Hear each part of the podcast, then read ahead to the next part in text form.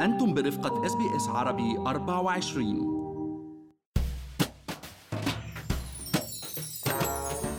سيدات أو رجال إذا أنتم من محبي الطبخ وتحضير الأكل أو الخبز والحلويات وعم بتفكروا تستفيدوا ماديا من هاي المهارات وتحولوا طبخكم من هواية إلى مصلحة تجارية تدر عليكم دخل فحلقتنا اليوم مخصصة لكم مرحبا. معكم مرام إسماعيل من بودكاست لنحكي عن المال. واليوم رح نخبركم أنا والمحلل الاقتصادي عبد الله عبد الله كيف ممكن نبدأ مصلحة تحضير الطعام من المنزل وشو هي الخطوات العملية والشروط والمتطلبات لتأسيس هاي المصلحة. بس خليني أذكركم إنه كل اللي بنقال بهالحلقة هو على سبيل المعلومات العامة فقط وليس نصيحة خاصة.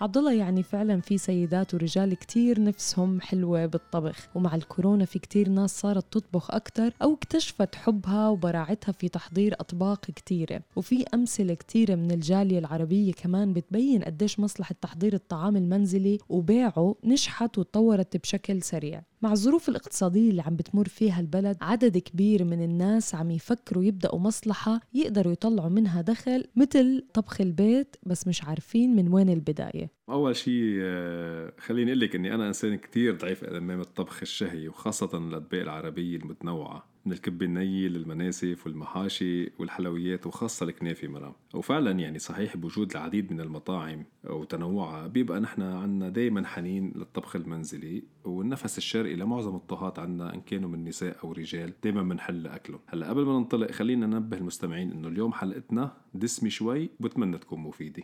كتير من الموظفين اليوم عبد الله عم بيشتغلوا من البيت وبحسب خبرتي يعني هالكم شهر الشغل من البيت عم ياخد منا وقت أكتر من دوام المكتب. لهيك الكتار يمكن اليوم عم يدوروا على حل لمشكلة تحضير الطعام أو الموازنة يعني بين تحضير الطعام والعمل المنزلي والمسؤوليات الأخرى ويمكن ما بدهم يعتمدوا على أكل المطاعم كل الوقت. ومثل ما قلت عبد الله بضل الأكل المحضر بالبيت طعمه غير وأقرب إلنا أكتر يعني. فهون في فرصة لهدول الأشخاص اللي عم بدوروا على الأكل البيتي إنهم يلاقوا حدا يشتروا منه الأكل البيتي. وإنت عبد الله رح تقول للمستمعين المهتمين كيف يبدأوا مطبخهم الخاص أو كيف يحولوا مطبخهم الخاص من المنزل إلى مصلحة تجارية يفيدوا ويستفيدوا منها. صحيح مزبوط مرام. يعني الطبخ المنزلي بالفعل اليوم عنده بوتنشل كبير وأي حدا عنده هالهواية ممكن ومبالغ ما كتير كبيرة آه، يبدأ بهالمصلحة من البيت. هلا البداية مرام مثل أي مصلحة تجارية تانية لازم يكون عندنا خطة عمل يعني ندرس فيها مبالغ الاستثمار المطلوب وتكلفة التشغيل والمردود المتوقع. ونحن كنا بحلقات سابقة مرام فصلنا كيف نقدر نخطط لإنشاء مصلحة تجارية وفعلا نحن إذا يعني ناويين نعمل مصلحة فعلية بشكل احترافي يعني ما نبقى بإطار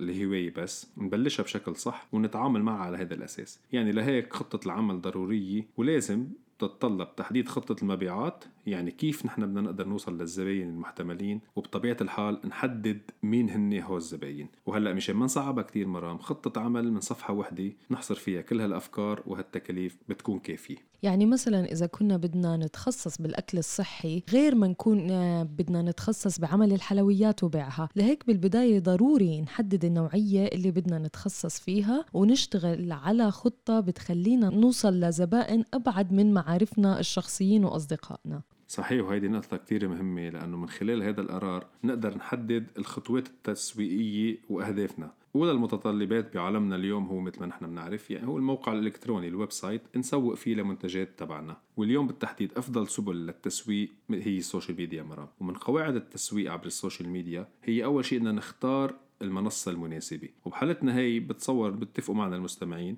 إنه الفيسبوك والإنستغرام وسناب شات هن من الأفضل اليوم متواجدين على الساحة. طبعا كل واحد بيقدر يبلش بمنصة هو بيرتاح فيها أكثر وعنده خبرة فيها أكثر وتاني قاعدة أساسية بالتسويق عبر السوشيال ميديا عبد الله هي تحديد نوعية الزبائن وأذواقهم لهيك مثل ما ذكرنا قبل ضروري نتخصص بشيء معين نحن شاطرين فيه وممكن يعمل فرق بالنسبة للزباين. وطبعا نحدد المنطقة الجغرافية المستهدفة يعني إذا عم نعمل أكل صيني نستهدف الضواحي اللي فيها أغلبية صينية وعلى هذا المنوال. طبعا أكيد وبالإضافة لهذا الشيء مرام ممكن أيضا الاستعانة ببعض الشخصيات المشهورة مثلا يعملوا لنا دعاية مقابل مبلغ معين. وهون بدي ألفت نظر المستمعين إنه تكلفة التسويق ممكن بالفعل تتخطى ال budget اللي نحن مفكرين فيه بالبداية. لهيك ضروري إنه ندرس هاي الخطوات مزبوط ونضمنها بخطة عملنا. يعني إذا بدنا نعطي مثل مرام هون الدعاية المدفوعة على فيسبوك ممكن تكلفنا تقريبا من ال 50 ل 60 سنت لكل like أو لكل اعجاب وهاي الدراسة المالية ضرورية عبد الله لنقدر نعرف التسعيره المناسبه لمنتجاتنا بطريقة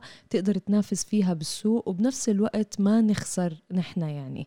يعني ما تكون تكلفة التشغيل أكبر من المردود المالي اللي رح نحصل عليه. ويمكن بهيك نوعية من عمل المنزل بننخدع شوي بتكلفة التشغيل وخاصة مثلا تكلفة فواتير الغاز والكهرباء ومثل ما ذكرت تكلفة التسويق والنقل. طب عبد الله حددنا المنتج يلي بدنا نسويه وحطينا خطة التسويق والخطة المالية وفكرنا على أي موقع من ال social media رح نسوق منتجاتنا. بس عمليا من وين رح نبدأ؟ أول قاعدة لازم ننتبه لها إنه هاي المصلحة تحضير الأكل من المنزل مثل أي مطعم أو شركة تانية بتقدم طعام. تخضع لنفس شروط السلامة والنظافة وخاضعة للتفتيش الدوري من قبل البلديات. هلأ كل بلدية عندها شروط مختلفة مثل مثلا بعض البلديات بتفرض إنه بالقليلة واحد من العاملين بهالمصلحة ياخذ تدريب رسمي كمشرف على سلامة الغذاء يعني اللي هو food safety supervisor وخاصة إذا مثلا طعام بيحوي بيض على سبيل المثال. وفي مؤسسات معتمدين من قبل آه، حكومات الولايات لحتى يعطوا هذا الكورس عبد الله اللي ذكرته ومعظمهم بيعطوه اونلاين وبتكلفة بسيطة بسيطة حوالي ال 100 دولار. لهيك أول خطوة رسمية نعملها أنه نتأكد مع البلدية اللي بنشتغل بنطاقها من هذا الشرط أو هذا الكورس. صحيح وتاني شغلة هي نتأكد من مواصفات المطبخ المطلوبة مرام ومنها مثلا البراد أماكن تحضير الطعام أماكن التخزين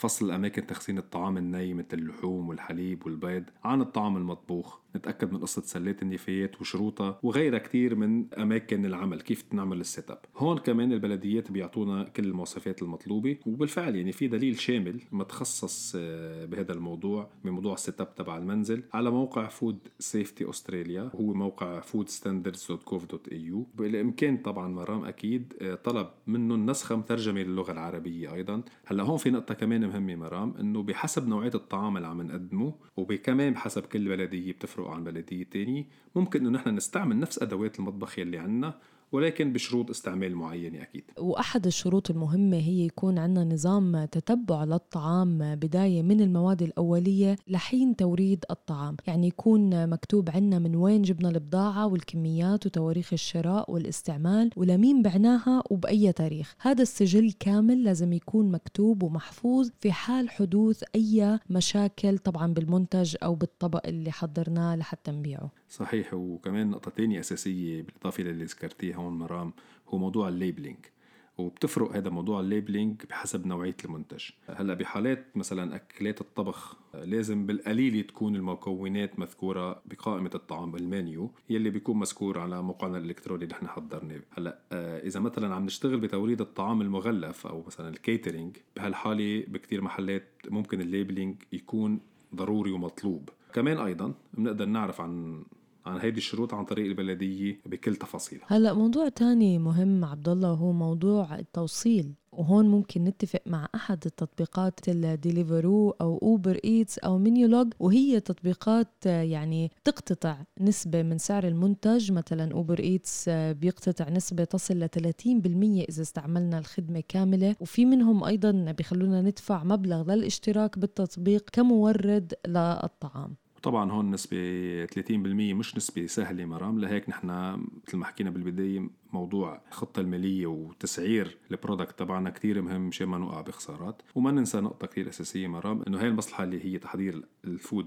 الأكل من المنزل مثل مثل أي مصلحة تجارية تاني لازم تكون مسجلة بشكل رسمي ومطلعين فيها ABN أو ACN وأكيد بكون مسجلة بمكتب الضريبي ال ATO صحيح عبد الله يعني خطوات سهلة وواضحة تبتدي يمكن من التواصل مع البلدية اللي نحن عايشين فيها أو مع التواصل مع منظمة Food Standards أو Food Safety Australia لحتى ناخد منهم خطوات بالضبط وشو الأوراق اللي لازم نقدمها ونحصل منهم بالمقابل على معلومات أو standards نتقيد فيها وبعدين نباشر بتحضير الطعام ناخد له صور نحطه على ال social media نعمل ال marketing plan اللي حكينا عنها عبد الله لنجذب بعض المتابعين. و I think بتصير الشغلة يعني word of mouth حدا بجرب أكلنا بيقول لحدا تاني. والصفحه شوي شوي بتصير يعني بتنال على إعجاب الكثيرين لحتى يقدروا يتواصلوا معنا ويطلبوا أكلنا. يعني بالفعل مرام نحن بنتمنى التوفيق لكل المستمعين بمصالحهم التجارية ونحن ناطرين هالمشاريع تطلع اونلاين ونبلش ندوق هالأكلات الطيبة المتنوعة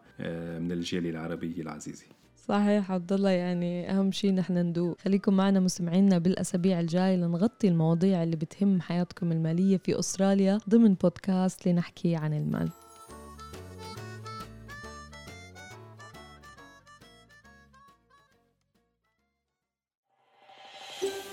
هل تريدون الاستماع إلى المزيد من هذه القصص؟